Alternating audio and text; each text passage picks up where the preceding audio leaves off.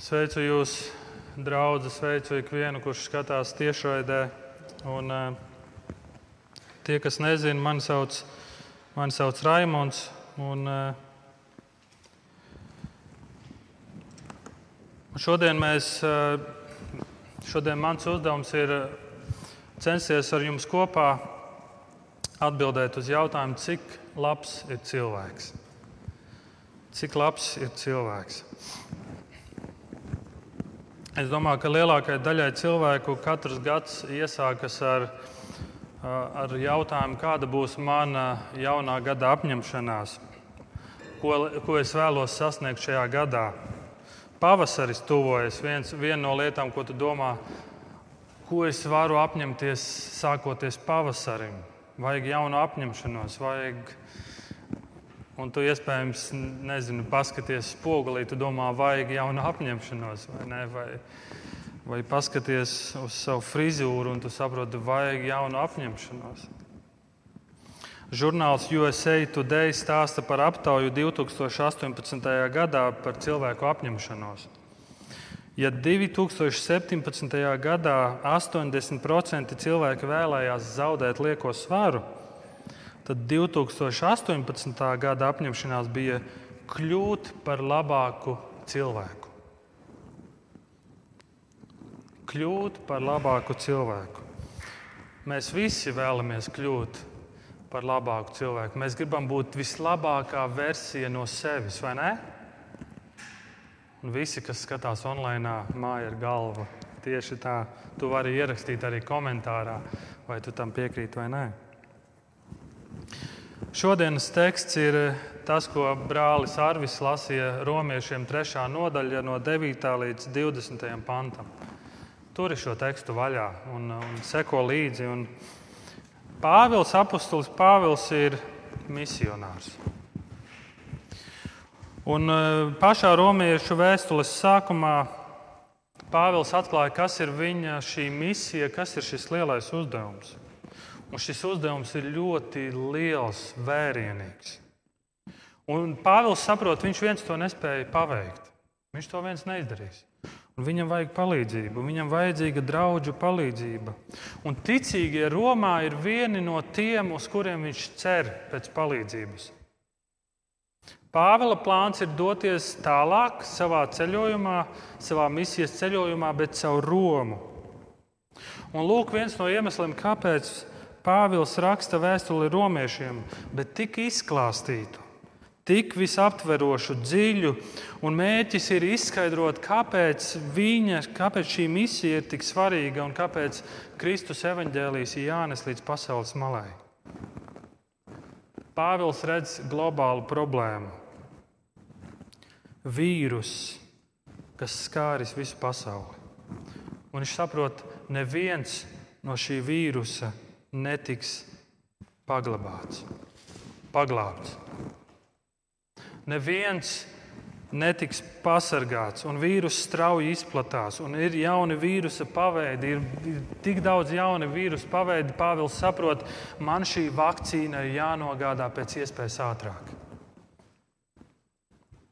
Romiešiem 1. nodaļa no 15. panta Pāvils saka, tādēļ degu nepacietībā sludināt evaņģēliju arī jums, kas esat Romā. Es nes, nekaunos evaņģēlijā, tas ir Dieva spēks pestīšanai ikvienam, kas tic, jūtam vispirms un arī grieķim, jo tajā Dieva taisnība atklājas. Pāvils nepacietībā vēlas šo vakcīnu nest tālāk. Viņš saka, ka persona Jēzus Kristus ir šī vakcīna ko viņš tik dedzīgi cenšas pasludināt. Bet vai tiešām visiem tā ir vajadzīga? Vai tiešām Jēzus ir vienīgā vakcīna? vakcīna? Kā tad ar šo teikumu palīdz pats sev? Tad Dievs tev palīdzēs. Esat dzirdējuši tādu teikumu? Palīdz pats sev, tad Dievs tev palīdzēs. Kā tu domā, tas ir rakstīts Bībelē vai nav?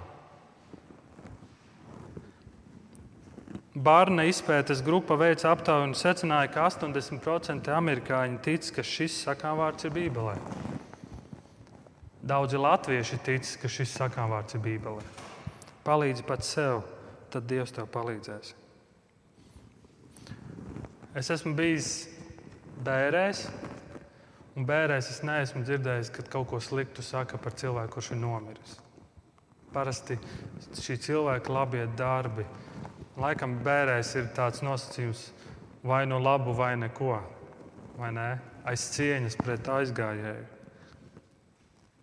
Un parasti, kad mēs runājam par labo vai slikto cilvēku, pareiz, parasti reakcija cilvēkam ir, bet neviens nav perfekts.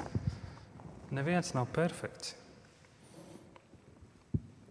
Un mēs dzīvojam tādā kā ilūzijā, un Dievs jau saprot, es neesmu perfekts. Un mēs ceram, ka tad, kad mūsu dzīve pēkšņi aprausies un mēs stāvēsim Dievu priekšā, mēs ceram, mēs pieļaujam, ka Dievs teiks, ak, tu muļķīti, nu nesaprati tu mani, nu nāc jau iekšā. Neviens jau līdz galam nesaprot. Mēs visi ne, neviens neesam perfekti. Mēs dzīvojam šajā ilūzijā, ka nu, Dievs jau piedos. Šonadēļ daudzi no jums, es pieļauju, daudzi no jums, jūs sekojāt Lemberga tiesas prāvai online. Sekojām, uzmanīgi klausījāmies, un daudzi noteikti bija izbrīnīti, vai tas, kas notiek, tā ir realitāte. Šodien Pāvils mūs grib atvest arī uz kādu tiesas prāvu. Bet šī tiesas prāva, gribu pabrīdināt, varētu būt ne tik patīkama kā tā tiesas prāva, ko mēs klausījāmies šodien.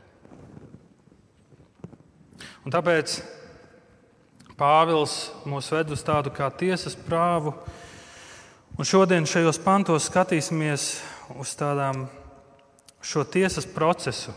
Iespējams, ne visai juridiski precīzi būs, piedodiet, juristi, bet es gribu palūkoties uz apsūdzību, uz pašu lietu un tad arī uz spriedumu. Un sāksim ar apsūdzību. Pāvils 3. nodaļā, 9. pantā sāk ar vārdiem: Kā tad ir? Vai mēs esam pārāki? It nemaz. Jo mēs jau agrāk spriedām par jūdiem un grieķiem, ka tie visi ir zem grēka. Ne tikai grieķi un ne tikai visas pārējās tautas, bet arī jūdi Starp citu, arī mēs, latvieši, mēs visi esam zem grēka. Un, un Pāvils šeit saka, kā jau mēs agrāk spriedām. Un pirmā nodaļa no 18. panta līdz pat 3. nodaļai mēs redzam šo spriedumu par pagāniem, cik viņi ir ļauni. Un pēc tam par jūdiem, kuri saka, ah, tie pagāni ir tie ļaunie, bet Pāvils saka, bet paskaties uz sevi. Un Pāvils saka, mēs jau to visu spriedām. Visi ir zem grēka. Grēks ir šī lielā problēma, grēks ir šis vīrus. Tas nenozīmē, ka grēcīguma ziņā mēs visi esam vienā līmenī, bet Pāvils saka, ka visi ir zem grēka. Tas ir tāpat kā iedomājies, trīs cilvēki vēlas aizpeldēt no Rīgas līdz Igaunijas salai Sāremā. Trīs cilvēki ar dažāda līmeņa peldēšanas prasmēm. Viens neprot peldēt, viens vidēji prot peldēt, un viens ir čempions peldēšanā. Pirmais lec ūdenī, un tiklīdz viņš ielec ūdeni, viņš sāk cīnīties par savu dzīvību un noslīkst. Tas, kurš vāji prot peldēt, ielec ūdenī, peld, un viņš ne, ne, nepaspēja izpeldēt no Rīgas kanāla, un viņš noslīkst. Un tad ir čempions, kurš ielec pārliecinoši peld, ļoti labi mācīts. Viņš slīd pa ūdeni, bet viņš nopeld 50 km un viņš sāk cīnīties. Viņš nopeld 80 km. Viņš jau cīnās par dzīvību. 90. kilometrā viņš noslīkst. Kurš no visiem ir noslīkušāks? Visi. Visi ir noslīkuši. Un tāpēc Pāvils saka, ka visi ir zem grēka. Visi ir zem grēka. Un šis, ko Pāvils saka, visi ir zem grēka, ir šis ir tāds juridisks termins. Citiem vārdiem sakot, mums visiem ir tāda kā pase, mēs, kuru redzot, apliecina, tu esi šīs ļaunās valstības pilsonis. Mēs visi esam zem šī grēka. Katrs citādāks, Katrs saprot pa savam un cenšas kādu, katru gadu kļūt labāks. Bet šī apsūdzība ir diezgan nopietna. Un tad 10. līdz 18. pants Pāvils izklāsta šo lietu. Viņš dod tādus faktus. Viņš dod tādus faktus, un tad, kad lasīs, skatīsimies no 10. līdz 18. pantam, es vēlos, lai mēs ieraugām, kā grēks ietekmē visu cilvēku ķermeni. Un tad, kad es lasu no 10. līdz 18. pantam, man rodas jautājums, Pāvils, vai tiešām ir tik traki? Pāvils, vai tu nepārspīlē? Vai tiešām neviens nav pietiekami labs? Un Pāvils saka, nāc, paskaties pats. Un viņš paņem cilvēku un noliek zem rentgena, un viņš saka, paskatīsimies. Desmitais pāns Pāvils saka, nav neviena taisna, neviena paša. Cik spēcīgi vārdi Pāvils. Mēs ar sieviņu mājās, savā attiecībās esam norunājuši, ka ir vārdi, kurus mēs cenšamies nelietot nekad un vienmēr. Tu nekad nenoliec zeķes vietā vai vienmēr atstāj švāmu izlietnē. Šie vārdi var sāpināt, un mēs sakam, šos vārdus cenšamies nelietot. Pāvils, tu saki spēcīgus vārdus, vai tiešām neviens? Pāvils norunāsim, tu neapvainosi 21. gadsimta cilvēku, jo mēs cenšamies katru gadu kļūt labāki. Mēs esam mainījušies, ir citi laiki. Varbūt pirmajā gadsimtā tu tā varēji teikt uz cilvēku, bet nevis šodien. Un tad Pāvils turpina. 11. pants. Nav neviena, kas saprot, nav neviena, kas meklē dievu. Pāvils, tu šo noteikti neatiecini uz mums. Mums ir tādas universitātes, mums ir tādas augstskolas, mums ir izcili teoloģijas doktori, mums ir internets, kurā cilvēki iekšā Google var ierakstīt jebkuru jautājumu un atrast atbildes. Un vispār Google statistika parāda, kādus jautājumus cilvēki uzdod un kas ir biežāk uzdotie jautājumi. Mēs noteikti varam secināt, ka cilvēki meklē Dievu. Cilvēki saprot, jā, ne visu saprot, bet cilvēki meklē. Un es zinu daudzus, kuri neiet draudzē, neiet baznīcā, bet viņi lūdz. Viņi meklē patiesību. Un kā tad ir ar citām reliģijām? Cilvēki, kas meklē. Pāvils, man šķiet, ka tu šajā tiesas prāvā izgāzīsies. Labāk apstājies. Un Pāvils varētu teikt, vai tiešām? Tu gribi teikt, ka cilvēki skaidri apzinās savu grēku?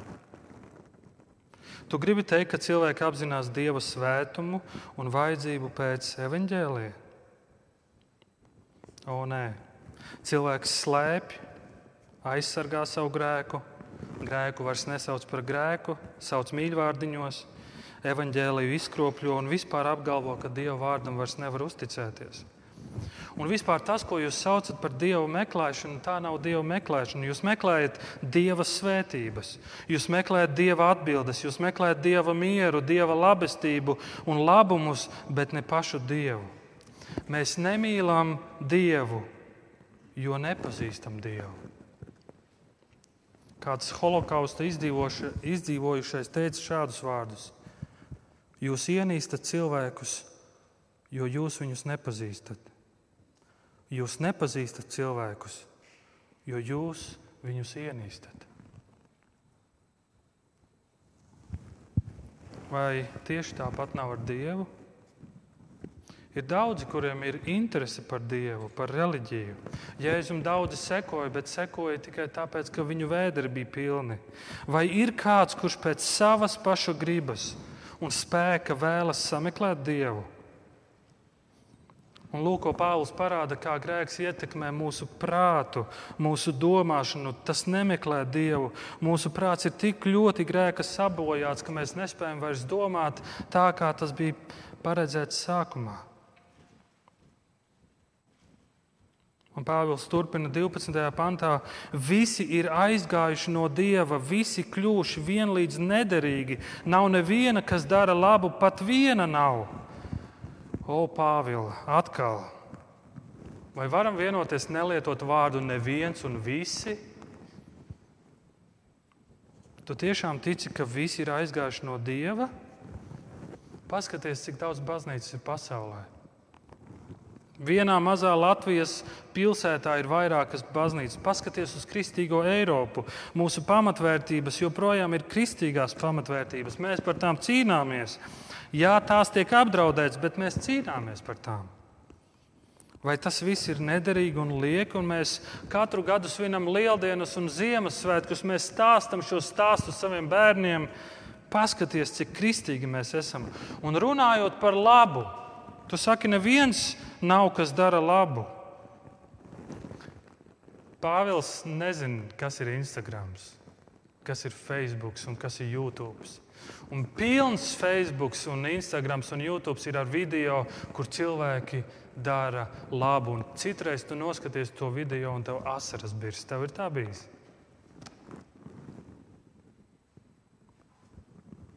Mēs esam kļuvuši tik globāli, ka pamanām tās vajadzības, kas ir Āfrikā.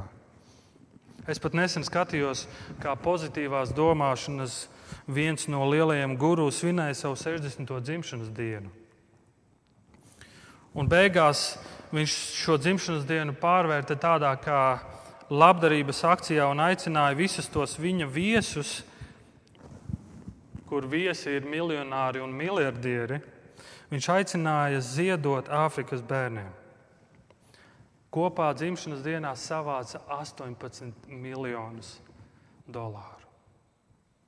18 miljonus.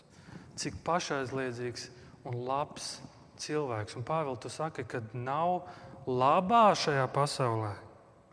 Varbūt pirmajā gadsimtā tā nebija. Mēs Vīlāns draudzē daudziem esam palīdzējuši. Mums ir tabita, kas palīdz daudzām ģimenēm. Mēs uz džungļiem esam leduskapi aizsūtījuši, un mēs esam palīdzējuši kādam Kostarikā. Pāvils, lūk, tev fakti, cik labi mēs esam. Bet Pāvils citē Dieva atklāsmi caur Jēzeju, un Jēzus 53.6. viņš saka, mēs visi esam noklīduši savis, katrs iet savu ceļu bet viņam kungs uzlicis visu mūsu vainu. Tas tevis minētais guru Raimond, miljonāru un miljardieru apskauts, tikai 18 miljoni. Tā atraitne templī ir devusi vairāk. Un tas pat nav par to, cik daudz tu dod. Tas ir par to, kāpēc tu dod. Kas ir motivācija? Vai nav tā, ka mums patīk ka kādi redz, cik labi mēs esam. Vai nav tā, ka mēs gribam, lai nospiež to laiku, un lai mums seko, un cilvēks skatās, cik labi mēs esam? Kāds mācītājs stāstīja reiz kādu stāstu. Bija kāds dārznieks, kurš izaudzēja burkā, iesēja burkānus, izauga brīnišķīgi skaista raža, ļoti garšīgi burkāni. Un viņš padalījās ar saviem kaimiņiem un kādus burkānu, burkānu groziņu uzdāvināja arī princim. Princis bija tik patīkami pārsteigts un priecīgs par garšīgiem burkāniem, ka viņš nolēma, viņš dārzniekam uzdāvinās zemi.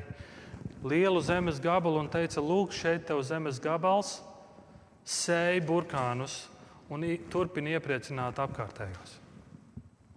Bet viņa kaimi, kaimiņš, kurš bija mužnieks, bagāts mužnieks, kuram bija daudz zirgi, domāja, princis viņam iedeva zemes gabalu dēļ burkāniem.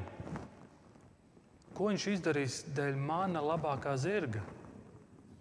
Viņš aizveda princim labāko zirgu un teica, princis, es tev vēlos dāvināt no visiem saviem zirgiem labāko zirgu.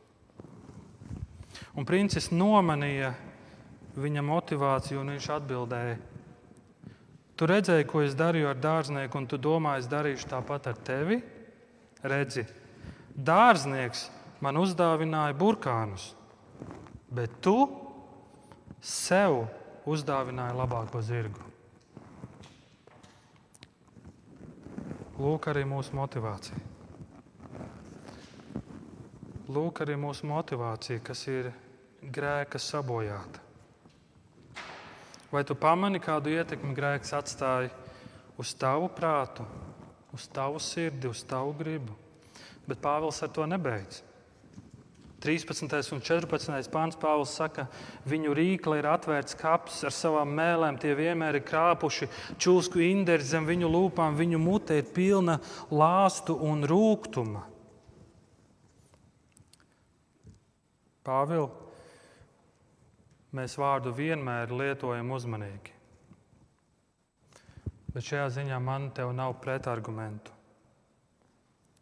Mēs tik tiešām ar savu rīkli, mēli, un muti un lūpām esam nodarījuši lielu ļaunumu. Mēs esam tik daudzus ievainojuši. Gan tie, kas saucam sevi par kristiešiem, gan tie, kas nepieskaitam sevi nevienai reliģijai. Un daudzi no jums, kas esat aktīvi sociālo tīklu lietotāji, pamanījāt šīs Instagram kopi, kopienas dalībnieci Elīnu Digriksoni kurai tika uzdots jautājums par viedokli attiecībā uz homoseksuāļiem. Un viņas atbildēja saniknoja daudzus, tik daudzus šīs kopienas dalībniekus, ka mēs varējām lasīt komentārus, kā bloķējam Digriksoni, iznīcinām viņas biznesu, darām visu, lai viņa nekad vairs neparādītos sociālajos tīklos, lai viņa nomirst un sapūst savā tumšajā istabā ar melnām sienām zem segas embrija pozā. Amerikā un Latvijā to sauc par dzēšanas kultūru. Kad kāds nepiekrīt kādam populāram viedoklim, tad tevi vienkārši nolēja ar mēsliem un cenšas iznīcināt. Un arhibīskaps Jānis Vanaks savā Delfi rakstā jautā jautājumu, kā var tā notikt, ka labu griboši, sabiedriski aktīvi un izglītoti cilvēki kļūst par uzbrukšanas mašīnām par kaut ko līdzīgu nesen piesauktajiem kaujas suņiem. Kā tas var būt? Labu, griboši, sabiedriski aktīvi un izglītoti cilvēki. Jēkaba vēstule daudz runā par mēli un cik liela vara tā ir. Un es paskatos uz sevi. Un es redzu, kas ir veids, kā es esmu teicis pat, patiesību bet bez mīlestības, bez pauzes, bez lūkšanas, bez pārdomām. Rezultāts - sāpināti cilvēki. Pāvils, man nav pretargumenti šim faktam. Mēs lietojam mēli, lai melotu, ar mērķi, lai aizsargātu savas intereses un iespaidotu citu intereses. Mūsu mēlē ir lokus uz mūsu sirdīm. Lūkas 6,45 mēs lasām, labs cilvēks no savas sirds labumu krājumiem sniedz labo, bet ļaunais no ļaunā krājumiem sniedz ļauno, jo no pārpilnas sirds mute runā. Grēks ir kā šis nāvējošais, bet neredzamais ķīmiskais ierocis, novičok. Tas var būt tik nepamanāms, bet tik ietekme ir tik spēcīga. Tas saindē prātu, sirdi, gribu, muti, lūpas, mēli. Un Pāvils turpina 15. līdz 17. pantam. Viņu kājas ir žiglas, kad tie steidz izliet asinis, posts un ciešanas visos viņu ceļos. Miera ceļu viņi nepazīst. Pāvils, jo godīgi, es sāku nogurt no tik daudziem apvainojumiem. Ko tu gribi teikt, ar mums ir tik ļauni? Ir tik ļauni? Tieši tā. Mēs tik ļoti dzenamies izliet asinis, un reizēm pat būtiskā nozīmē. Mēs esam pilni atriebības. Visi, kas nostājas mūsu ceļos, ceļā, mēs vienkārši gribam novākt. Kāpēc mēs dusmojamies viens uz otru? Tu, jo kāds ir aizskāris manu elku, vai lika sajusties bezspēcīgam, vai atņēma kontroli no manām rokām. Un Jēkabā vēstulē 4. nodaļā mēs lasām, no kurienes kari un no kurienes cīņas jūsos. Vai ne no tieksmes pēc baudām, kas karo jūsu locekļos? Jūs iekārojat, bet neiegūstat. Jūs nogalināt un degat skaudībā, bet nevarat sasniegt. Jūs cīnāties un karojat, bet jūs neiegūstat tādēļ, ka jūs nelūdzat. Jūs lūdzat, bet nesaņemat tādēļ, ka lūdzat aplami, lai tērētu savām baudām. Mēs esam tiesas prāvā, tiesā. Lūk, cik labs ir cilvēks. Viss sabojāts. Lūk, kā izskatās cilvēks, kas ir zem grēka varas. Ok, ok, Dievs, Dievs taču labi zina, mēs neesam perfekti.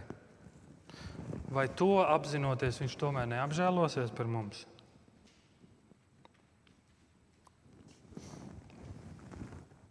Iespējams, daudzi skatoties Lemberga tiesas prāvu, varēja teikt, bet kāpēc tiesa neskatās un neuzskaita Lemberga labos darbus?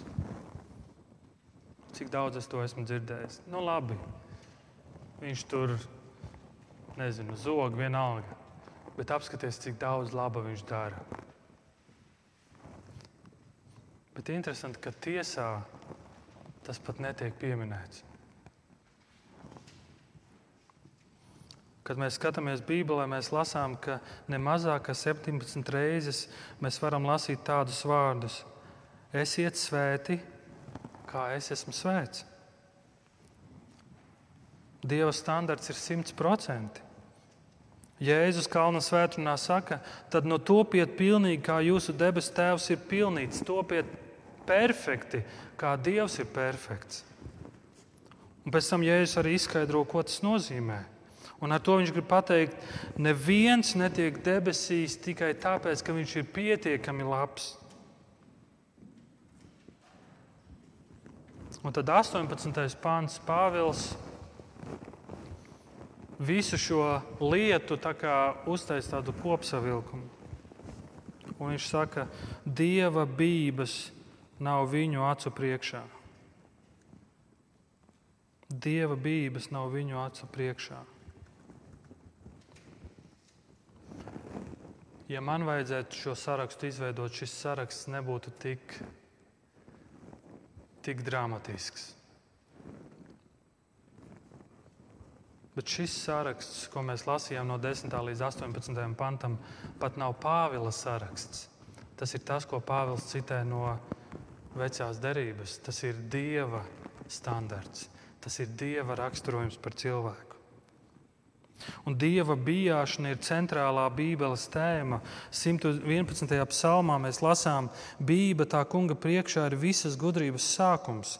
Tas visu labi izjūt un saprot, kas tā dara. Viņa slava paliek mūžīgi.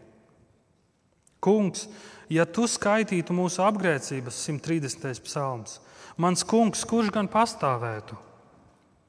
Taču tu mēdz piedot, tādēļ tevi bija.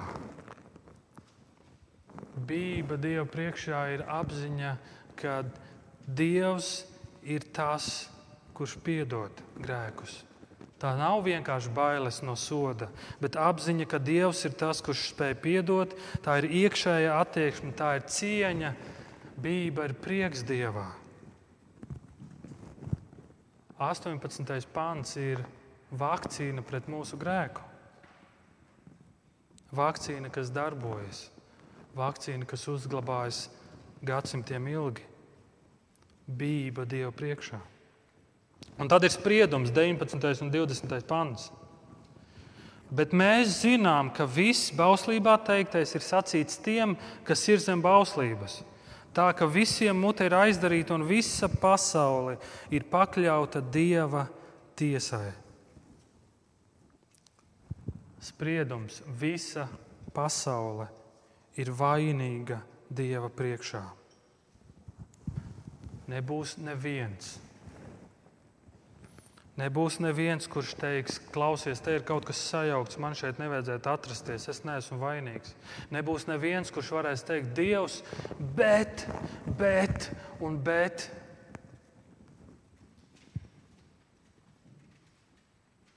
Visiem mute būs aizdarīta. Un tie, kas šodien saka un lepojas, ka viņiem ir bībele, ka viņi zina bībeli, Tā kā jūdi tajā laikā, viņi lepojās, viņi saka, mēs esam izredzēti tauta, mums nevajag citu risinājumu. Mums Dievs ir devis atklāsmu, mums Dievs ir devis likumu. Un viņi domā, ka viņi ir privileģētākā stāvoklī. Arī viņiem mute būs aiz, aizvērta. Kāpēc? Jā, vēsturiski jūdu tauta bija izredzēta tauta. Dievs deva viņiem savus baušus, lai sargātu viņus, lai vadītu, lai brīdinātu, bet viņi kaut ko pārprata. Viņi kaut ko nesaprata. Ka viņu privilēģija bija sargāt, dzīvot un par, būt par svētību apkārtējiem. Viņu privilēģija bija atbildībā. Viņu privilēģija bija atbildība. Dieva likums tā ir dāvana ko mēs neievērojam, ko nenovērtējam.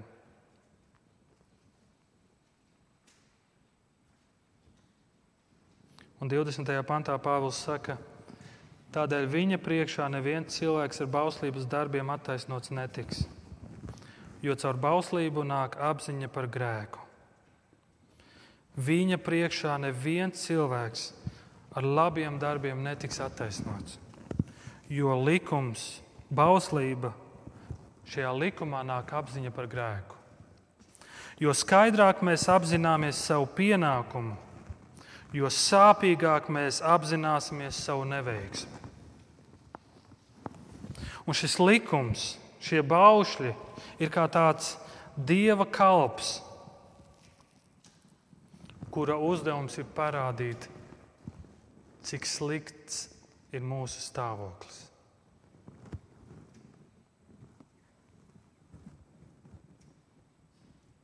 Vai labie darbi spēj salabot sabojātas attiecības ar Dievu? Varbūt Dievs pamanīs, kā mēs mokāmies. Varbūt Dievs pamanīs, kā mēs cenšamies. Un vispār Kristus mūs aicina uz labiem darbiem. Ko tad tu par to teiksi? Un 1. korintiešiem 10. mēs lasām, tādēļ vai ēdat, vai dzerat, vai ko citu darāt, visu darot, dariet kungam par godu Labs darbs Dieva acīs ir darbs, kas darīts viņa godam. Ja tu zini, ka Kristus tevi mīl, un nav nekas, ko tu spēj izdarīt, lai iegūtu viņa mīlestību, bet pieņem pieņem viņa atdošanu, tad tu vari pabarot izsalkušo. Tad tu vari apciemot slimo, un tad tu apģērb kailo, un tā būs kā dāvana dievam. Bet, ja tu visu dari domādams, ka saglabāsi vai iegūsi glābšanu, tad tas, ko tu baro, kuru apciemo un ko tu apģērbi, esi tu pats. Un tāpēc Pāvils ir tik izmisīgi cenšas šo vakcīnu vest visai tautai, visai pasaulē. Dievs skatās uz sirdīm. Atšķirība starp kristieti un reliģisku personu nav attieksmē pret grēku, bet attieksmē pret labajiem darbiem.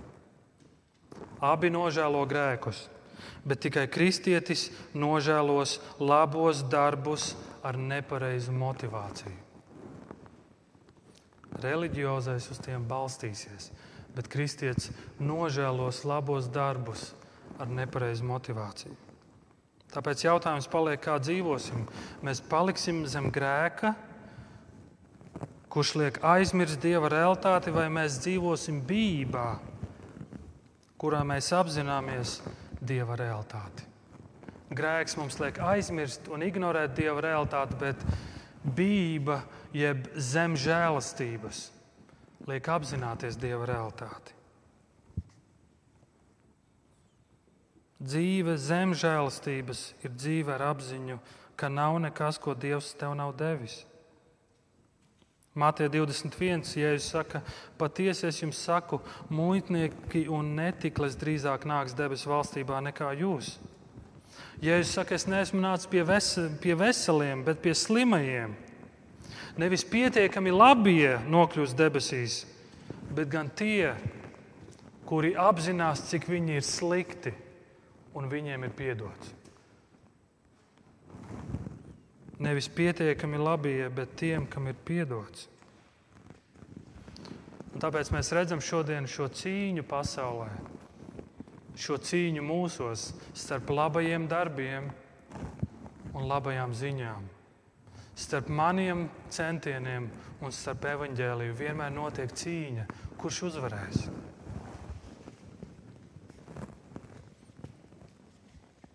Kurš uzvarēs? Šodien tiesas process, apsūdzība, visi ir zem grēka. Lieta, kas skaidri parāda, cik vainīgi mēs esam, cik labi mēs esam. Labi mēs esam. Un tad ir spriedums.